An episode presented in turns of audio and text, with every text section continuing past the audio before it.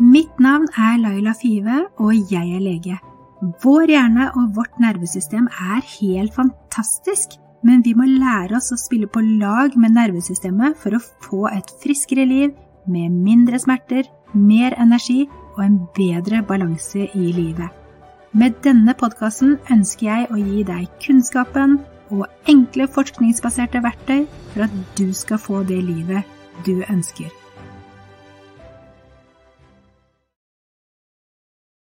God dag og velkommen til Dr. Fives podkast.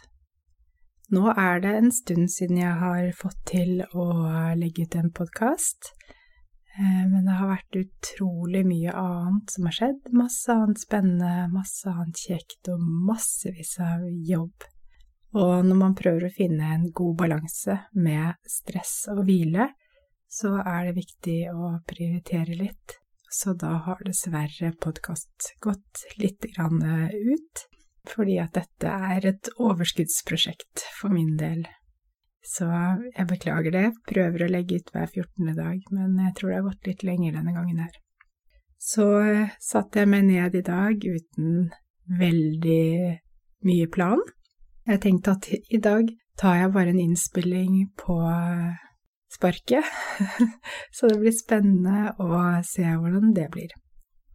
Jeg har um, satt meg ned med en varm kopp kaffe. Uh, ute er det iskaldt, og så møtte jeg en uh, kamerat utenfor kontoret, og vi ble stående og snakke i en halvtime. Noe som var utrolig hyggelig. Men det å møte noen sånn på farta, det kan jo være både og. Og så tenker jeg at hvis du møter noen på farta, eh, og du ikke har problemer med noe sosial angst eller noe sånt noe, og så har du dårlig tid, eller du er stresset, eller um, du har mye å tenke på, du er i utgangspunktet overveldet, eller noe sånt noe, så blir det belastende å møte noen. Da er det nesten sånn at du har lyst til å synke inn i jorda eller gjemme deg bak noen eh, biler eller hyller eller busker eller et eller annet for å slippe å si hei fordi at du kjenner at du egentlig ikke har verken tid eller overskudd. Mens når man er velregulert i nervesystemet, da er det hyggelig å møte folk, kjekt å snakke, eh, man har overskudd til å slå en prat, bare småprate. Og det er jo noe som vi kan tenke litt på, at um, det å småprate, det er jo helt meningsløst når vi er aktivert. Så når vi er i fight or flight, så kutter vi på en måte forbindelsen til prefrontalcortex og får ikke tilgang på de ressursene som er der, og det er blant annet småprating og sosialisering. Så det føles helt meningsløst å drive og sosialisere og småprate. Sånn at er du i fight or flight, eller syns du at det er meningsløst å sosialisere og småprate, så vet du at du er i fight or flight. Men i hvert fall i dag var det utrolig hyggelig å møte på denne kameraten min, og vi hadde en fin prat. Og det tyder på at mitt nervesystem er relativt godt eh, regulert i dag, og det er deilig å kjenne på at man har tid til å bare stoppe opp og ta en prat på morgenen, og ikke ha så tett program. Så nå sitter jeg nå her og varmer meg på denne varme koppen, fordi nå har jo høsten for virkelig begynt å sette inn, og snart kommer vinteren. Det er mørkere, og det er mange som kjenner på at uh, mørket er en tung tid. At det er uh, tyngre enn vanlig å våkne opp og stå opp og ha overskudd gjennom dagen. Mange blir deprimert i mørketiden, men uh, det jeg tenker, er at de som er dårlig regulert eller dysregulert i nervesystemet fra før av, de har mye større reaksjoner på mørketid enn andre. Så er man godt regulert, så vil man ikke reagere så mye på mørketiden. Og det kan man jo gjøre med å passe på at energien gjennom uken, eller gjennom dagen, blir god nok, og fordelingen av energi er god nok. En annen ting som skjedde når jeg skulle gå ut i dag, var at uh, den ene datteren min sa til meg at uh, du, mamma, jeg føler at du er mer glad i søsteren min enn du er i meg. Og så handlet jo jeg på ryggmargsrefleks, og så sa jeg nei, nei, nei, det er klart jeg ikke er det, jeg er kjempeglad i deg, jeg er veldig glad i begge to, det må du ikke føle på. Så tenkte jeg på det etterpå, for da måtte jeg bare løpe ut av døren og komme meg av gårde, og så tenkte jeg på det etterpå. Nei, nei, nei, nei. Nå, nå gjorde du ikke en god jobb som mamma. Nå på en måte sa du at følelsene dine er feil.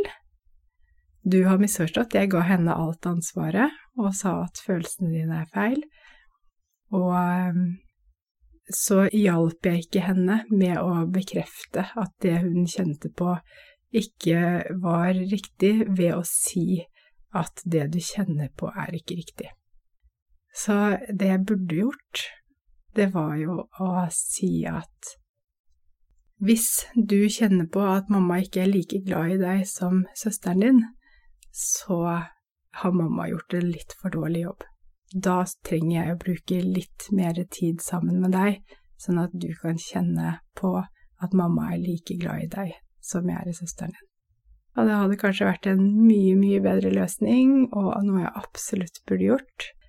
Men så vet jeg at det er så fort gjort å si feil, det er så fort gjort å gjøre feil overfor barna våre, og så lenge vi klarer å gjøre rett og møte dem på deres følelser i en del av tilfellene, så går det helt greit å gjøre feil.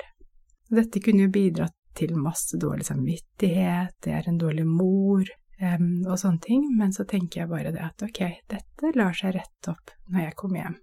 Da kan jeg si akkurat det som jeg har tenkt nå i ettertid, at uh, det var feil å si at hennes følelser var feil, for det var de absolutt ikke, uh, og at jeg kan gjøre en bedre jobb med å få henne til å føle at jeg er glad i henne, og bruke litt mer tid på henne.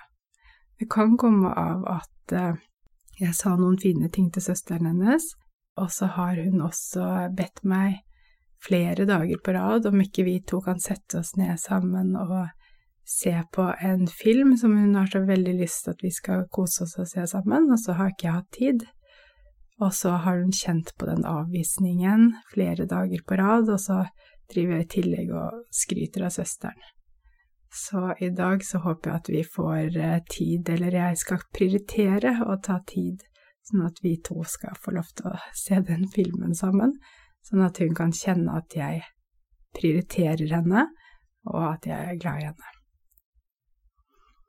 Men dårlig samvittighet, da, det er jo noe som tapper nervesystemet vårt. Så hvis vi går rundt med dårlig samvittighet, så er det veldig, veldig tappende. Og det er klart, vi våkner jo med en energibalanse hver dag. Og har vi hatt en dårlig natt, eller at vi har eh, vært altfor mye på minussiden dagen før, eller vi spiste veldig mye sent på kvelden, eller spiste mye karbohydrater, eller drakk alkohol, eller drakk koffein sent på kvelden dagen før, så har vi mye, mye mindre å gå på når vi våkner om morgenen. Men har vi hatt en god natt, da, så er jo vårt batteri ladet. Og når vi våkner om morgenen da, så våkner vi i et energiregnskap. Og dette energiregnskapet, det begynner å trekke poeng hele dagen. Så alt du foretar deg i løpet av en dag, trekker poeng. Og det er veldig vanskelig å lade opp poeng igjen. Eh, men det går an å lade lite grann ved å hvile, for eksempel, eller du kan gjøre ting som å ta et Eh, en kald dusj eller et kuldebad, som kan gjøre at eh, man trekker mindre i timene etter. Det kan også trening for eksempel forårsake, at du trekker mindre i timene etter. Sånn at man kan gjøre noe for å påvirke energien gjennom dagen, hvordan det forbrukes, men stort sett så trekker alt vi gjør i løpet av hele dagen, krefter. Og noe trekker mer krefter enn andre ting. Men det som i hvert fall kommer tydelig frem, er at vi trenger å hvile. Å hvile, det er ikke bare å legge seg ned og scrolle på telefonen, eller se på en serie, eller se på nyheter. Det er ikke hvile. For de aller, aller fleste. Det stresser systemet fortsatt, sånn at eh, man trenger å velge en eller annen aktivitet som virkelig gir hvile i systemet. For meg så kan det bety å meditere eller gjøre pusteøvelser, fordi det er jeg vant til å bruke som en metode nå for å roe ned systemet. Og hvis det var noen som snakket til meg om å meditere eller gjøre pusteøvelser for noen år siden, så hadde jeg sagt at det kommer aldri til å skje, det er ikke meg i det hele tatt. Det der er noe alternative greier som føles helt meningsløst, som noen veldig alternative mennesker driver på med. Men uh, forskningen rundt uh, pusteøvelser og meditasjon og mindfulness er altså Det er masse forskning, det er utrolig bra for oss.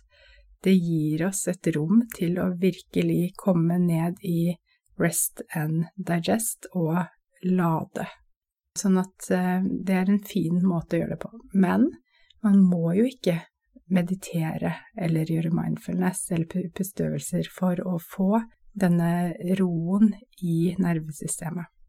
Det å bare for eksempel sette seg ut i ti minutter og observere, lukte, kjenne på huden, vinden, høre etter lyder, se og ting som beveger seg, i fargene. Bare det å være i sansene sine akkurat her og nå, det vil roe systemet veldig. Det å være i natur roer systemet. Det å gå barbent ut i naturen på underlaget kan roe systemet. For noen så vil det å sette seg ned og strikke kan roe systemet. Noen roer systemet av å lese en bok, man kan spise mindfullt, at man bare konsentrerer seg om hva man spiser, hvordan det smaker, hvordan det lukter, hvordan det kjennes ut i munnen.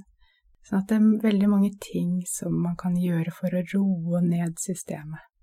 Man må ikke sitte seg og meditere for enhver pris, og i hvert fall ikke hvis kroppen er veldig urolig og stressa. Da kan det være vanskelig å finne den roen til å meditere, fordi når vi er i fight or flight, så er det ikke meningen at vi skal bare sette oss ned og meditere.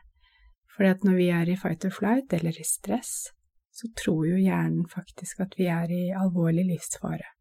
Og det er akkurat som å sette deg utenfor en løvehule, hvor eh, det sitter en løve klar til å hoppe ut, og sette deg ned og meditere, eller legge deg ned og meditere foran hulen. Det var ingen som hadde gjort det. Så når du er i fight or flight, så trenger du å bruke krefter, kanskje, for å liksom få energien ut av kroppen, eller roe ned gradvis før man kan begynne å ta fatt på de rolige øvelsene, eller hvis man er vant til det, sånn som en del som gjør dette regelmessig, så klarer kroppen å omregulere raskt. Pusteøvelser, for eksempel, er en fin måte å bare gjøre denne omreguleringen veldig, veldig raskt. Men det jeg tenkte jeg skulle si i dag, da, var at uh, alt det vi gjør, det krever jo krefter. Men så er det liksom et underliggende lag av stress som vi kanskje ikke tenker på alltid. Og dette laget er jo på en måte de dårlige følelsene som vi kan ha inni oss. Det vil stresse systemet vårt og gi et sånt økt stressnivå over hele dagen og også gjennom natten. Hvis vi kjenner på for eksempel en følelse av overveldelse, jeg har mer å gjøre enn hva jeg får tid til, og kjenner på at ikke du får gjort ting ordentlig, at man liksom mister kontrollen. Um, hvis man har dårlig samvittighet Altså, jo mer ting man har å gjøre, og jo mindre man kjenner at man har kontroll, jo mer vil vi mennesker ofte gå inn i oss selv og kjenne på at vi er feil, vi gjør, gjør feil, vi gjør ikke bra nok, at vi liksom tar all skyld innover istedenfor å ta det utover, eller istedenfor å på en måte tenke at dette her er for mye for alle og enhver, det er i alle fall for mye for meg, og jeg må gjøre noe her for å få dette til å fungere på en bedre måte. Jeg må prioritere livet mitt på en annen måte. Istedenfor å gjøre det, så blir vi opphengt i at vi ikke klarer, ikke makter, ikke er gode nok. Det som er viktig å gjøre hvis vi er overveldet, det er å finne måter å få tilbake den kontrollen som vi trenger for å kjenne at vi er på toppen av livet og av dagen vår, og at det er vi som styrer livet, ikke livet som styrer oss. Det samme er hvis vi føler at vi, hvis vi er i noen miljøer og kjenner på at vi ikke blir sett, ikke blir hørt, ikke blir tatt hensyn til, eh, hvis vi må gå og undertrykke følelsene våre og ikke tør å slippe de ut eller si hva vi egentlig mener, hvis vi opplever urettferdighet, hvis vi opplever at vi bruker tiden vår på ting som er meningsløst, eksempel. Alt dette her, det vil stresse oss utrolig mye, sånn at det er viktig å ta sånne følelser på alvor og gi de litt rom og plass, og se på hva kan jeg gjøre for å få det bedre når jeg kjenner at jeg har det på denne måten, for dette gir meg så mye stress og så lite livskvalitet. Og stress, det er jo det samme som fare, og når det er fare, så er det fight or flight. Og når vi går med den stresspedalen nede hele tiden, så vil etter hvert systemet få overload, og det vil slutte å fungere på normalt vis, fordi at det er en del prosesser som legges ned når vi er i stress. Altså, vi trenger ikke å fordøye mat skikkelig, vi trenger ikke å prioritere reproduksjonsorganene våre eller hormonene.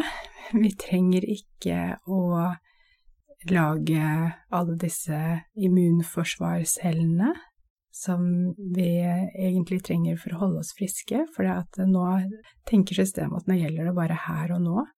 Vi produserer masse betennelsesfaktorer, for hvis vi skulle skade oss, så er det viktig at kroppen vår kan komme med betennelsesceller med en gang, sånn at ikke infeksjoner og sånn skal kunne spre seg for at vi skal få overlevelse. Og vi bytter ikke ut gamle, dårlige celledeler og cellerester. Man bare holder på det gamle, og så helt til det begynner å ryke, ryke litt etter hvert. Fordi at vi prioriterer ikke vedlikeholdet og regenerering når kroppen er i stress. Og så endrer veldig mange ting seg når vi har et økt kortisol i kroppen over tid. Så endrer kroppen seg for å holde ut i et farlig miljø, sånn at vi legger vekk en rekke funksjoner som er unyttige, for eksempel det å sosialisere og prate og løse problemer og huske tilbake på mange gamle minner som vi har, og, eller um, ting som vi trenger å huske i jobben vår. Eh, vi begynner å få hukommelsesvansker og sånne ting, fordi at uh, man trenger ikke å prioritere å få kontakt med kunnskapen vår når vi er i et akutt stress eller et kronisk stress på denne måten. Og hva er det som egentlig gir oss stress, da? Det er jo når ting begynner å stjele av hverandre. For som hele mennesker i Norge i dag, så trenger vi å prioritere mange ulike områder. Og vi trenger å prioritere familie og venner, vi trenger å prioritere jobb eller skole. Vi må prioritere å spise, sove og bevege oss. Vi må prioritere hvile, og det er noe vi glemmer, at liksom må vi hvile, og når vi hviler, så gjør vi det gjerne med telefonen i hånda, sånn at det ikke blir restitusjon, men det kan bli et stress for systemet. For det å hele tiden sette seg inn i nye ting, hvert tredje sekund eller hvert tredjefte sekund, og omstille hjernen på den måten og bevege øynene opp og ned, det stresser systemet vårt. Og det å også stirre på noe som er ganske nært eh, over lengre tid, det også stresser systemet vårt. Um, vi trenger faktisk tid til hobby eller lek. Vi trenger tid til hus og hjem, bare det å handle inn til huset, holde huset, vaske klær og alle disse tingene, det tar tid. Og så trenger vi tid til å være i naturen. Og alle disse tingene, de må ha plass i livene våre. Og hvis vi begynner å kutte ut noen av tingene, så begynner det å føles overveldende og stressende, og man begynner å få masse dårlig samvittighet, og man begynner å kjenne at livet er meningsløst. For det er jo ofte det som kan skje, at man eh, bruker mye tid på jobb og skole, og de som har familie, de bruker kanskje mye tid på familien, og så um, har man ikke så mye energi igjen. For det at hus og hjem også tar ganske mye tid, så er det da ofte bevegelse, trening, kanskje søvnen blir kortet inn på, kanskje blir det noe rask mat eh, som man har kjøpt med seg, noe ferdig mat eller et eller annet sånt noe som er lett å lage, fordi man ikke har nok tid til å lage ordentlig mat. Og så utgår hvile og restitusjon, og hobby og lek, det ryker i alle fall, og så ryker kanskje venner og sosialt. Og da sitter du igjen med veldig, veldig lite. Og da mister du masse av de tingene som faktisk gjør at vi blir robuste og motstandsdyktige og klarer å stå i livet vårt til å tåle disse andre tingene. Fordi at jobb, skole og familie, hus og hjem, det er ting som bare trekker krefter. Mens bevegelse, trening, søvn, hvile, restitusjon og hobby og lek, det er jo ting som gir krefter. Sånn at uh, det er utrolig viktig å få denne balansen. Men jo mer vi blir gående i dette hamsterhjulet, jo mindre ser vi av det som er viktig, som vi må ha i livet vårt for å holde oss friske. Det er utrolig viktig å få alle disse elementene inn i livet. Og hvis vi mister disse tingene, så står vi i fare for å bli utslitt, bli utbrent, få et nervesystem som ikke er godt regulert. Og når vi trykker på stressgasspedalen hele tiden, så vil jo også faresignalet være på hele tiden, og hjernens faresignal er jo smerte. Og du klarer ikke å identifisere en ytre trussel, så vil jo hjernen tenke at eh, ok, men da kanskje det er en indre trussel, en skade, og så begynner vi å få vondt i kroppen. Så begynner vi å jobbe i den biomedisinske modellen, de fleste av oss, for dette er det vi er vant til, det er sånn vi er vant til å tenke. Så da tenker vi å, nå har jeg sittet for lenge på kontorstolen, det er derfor jeg får vondt i korsryggen. Eller ok, nå har jeg vært anspent i skuldrene og hevet de opp, så nå får jeg vondt i skuldrene. Eller nå har jeg sikkert sett, sittet og sett for lenge på en skjerm, så det er derfor jeg får vondt i hodet. Men så er jo den biomedisinske modellen hvor du liksom ser på ok, det er enten sykdom eller noe fysiologisk galt i kroppen min som gjør at jeg ikke fungerer nå. Ikke jeg har trent for lite, derfor får jeg vondt i ryggen. Um, sånn at det, det, er et eller annet mekanisk eller anatomisk årsak til at jeg får vondt nå.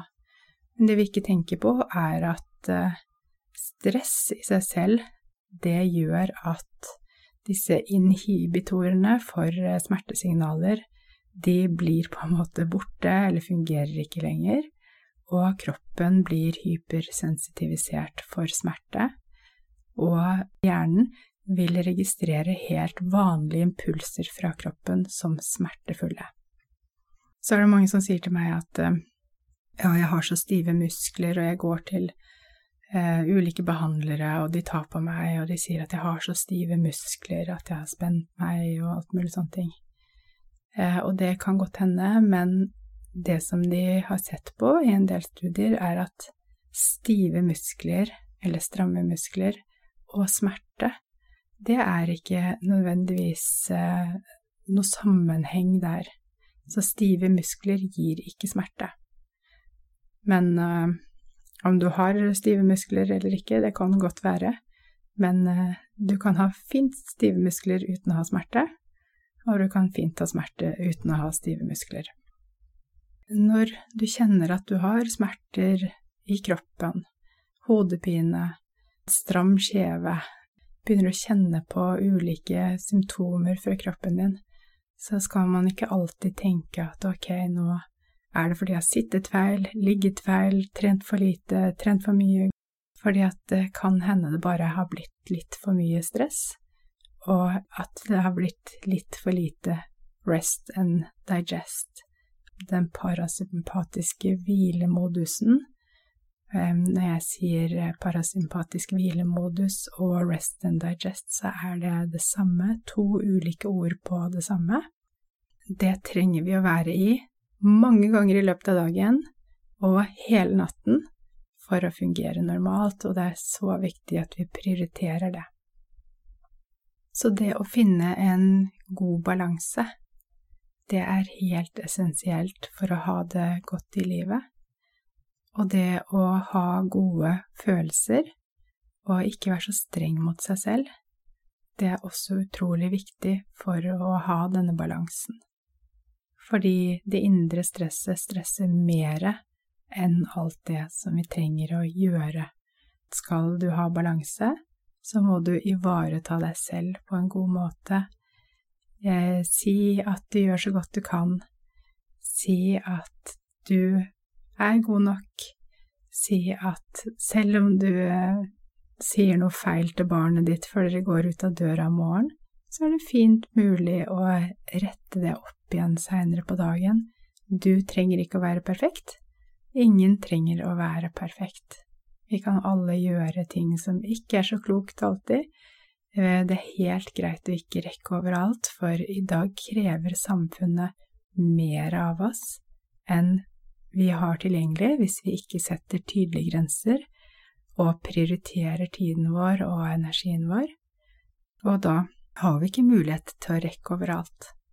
Så det å legge ned forventningene litt, og bare ta alt sammen mye roligere Sånn som i dag, så skal den ene datteren min på en fest hvor eh, man skulle ha med seg noe søtt til eh, festen, og da valgte jeg å kjøpe det. Fordi at eh, i dag har ikke jeg tid til å bake, og da kan man jo sitte med masse dårlig samvittighet, eller så kan man tenke at eh, ok, sånn ble det denne gangen. Eh, jeg prioriterer å ikke stresse for å få alt til. Jeg prioriterer å løse det på en enkel måte som reduserer stress for meg, og som da også gir eh, ringvirkninger i familien. Fordi at vårt nervesystem det er jo helt essensielt for barna våres nervesystem. Barna kopierer foreldrenes nervesystem, spesielt de første årene. Nå, akkurat nå er det kanskje litt for sent for meg, men mellom null og tre år i hvert fall, og, og også etter det. Eh, men da er det helt eh, essensielt hvordan nervesystemaktiveringen vår er, fordi at barna kopierer direkte nervesystemet til de voksne som de har rundt seg. Det er vi med vårt nervesystem og vår regulering som regulerer barna våre, og som lærer hvordan de skal regulere sitt nervesystem. Så Derfor er det så viktig at vi først og fremst tenker på at vi er nødt til å ta vare på oss selv, at vi er nødt til å få nok søvn, hvile, restitusjon, fordi at først da, når vi har et balansert nervesystem, da får de et balansert nervesystem. Det viktigste du kan gjøre, det er å være godt regulert. For når du ikke er godt regulert, da er du i fight or flight. Og når du er i fight or flight, da får du enten panikk og trekker deg unna, eller så blir du sint og irritabel og aggressiv. Og da kan det være sånn at du kommer hjem fra jobben, og så er det rotete i huset, og så blir du irritert og sint, og hvorfor kan ingen rydde her, Hvorfor ser det ut som et bomba hus? Hvorfor tar ingen hensyn, ikke sant? Hvorfor kommer barna hele tiden og skal ha og ha, og de trenger hjelp til det ene og det andre? Da er du allerede dysregulert. Og da er du i fight. Og det gir ikke noen gode ringvirkninger i familien, fordi at nervesystemene våre speiler hverandre.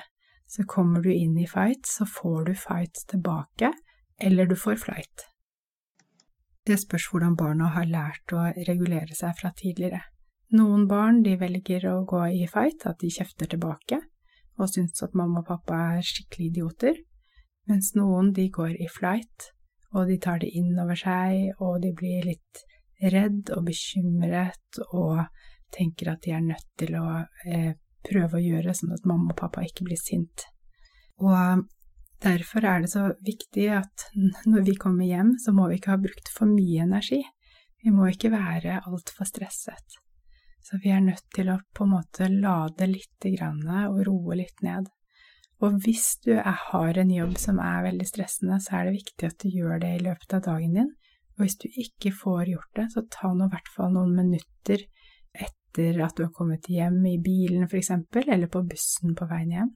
Så bare sett deg, pust langt og dypt ned i magen og bare få de gode, dype pustene som roer nervesystemet på en god måte, før du skal inn og møte familien eller familiekaoset.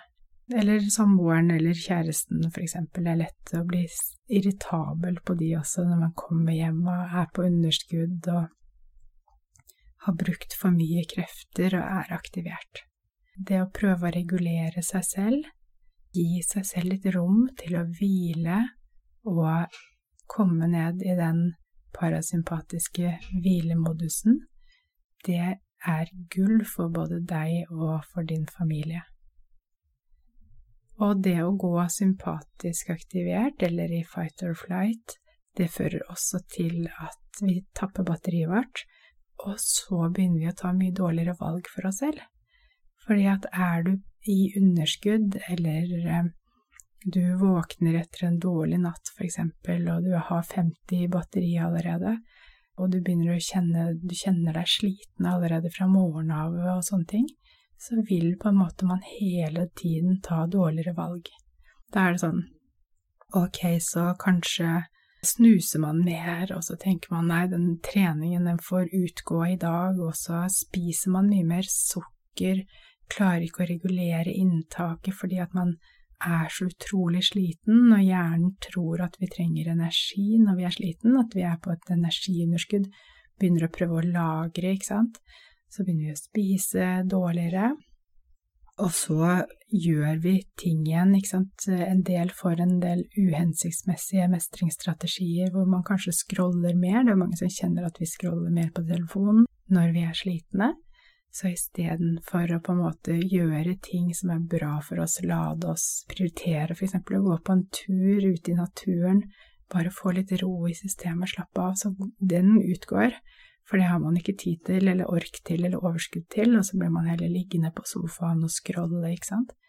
Og da begynner alt å koste enda mer krefter, du har enda mindre restitusjon, og så kan det bli en veldig dårlig sirkel av det. Sånn at det å forebygge at vårt nervesystem blir for dysregulert av å gå i stress hele tiden, det er kjempeviktig, og da må vi prioritere hvile.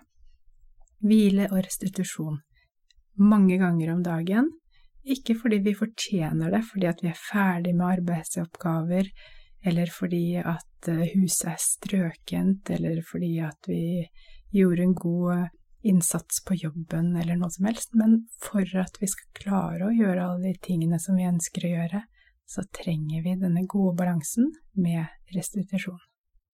Ok, jeg håper at uh, det var meningsfullt for deg å lytte i dag, at uh, du kanskje kan ta litt mer pauser og ta vare på deg selv, og tenke at uh, jeg trenger faktisk å restituere, puste med magen, og ta meg pauser for å ivareta meg selv, fordi at det har så mange positive ringvirkninger, og det gjør at jeg klarer å stå bedre i min hverdag og i mitt stress. Fordi at dette her er så essensielt for å forebygge langvarig neuroplastisk lidelse, som da langvarige smertetilstander eller utmattelsestilstander.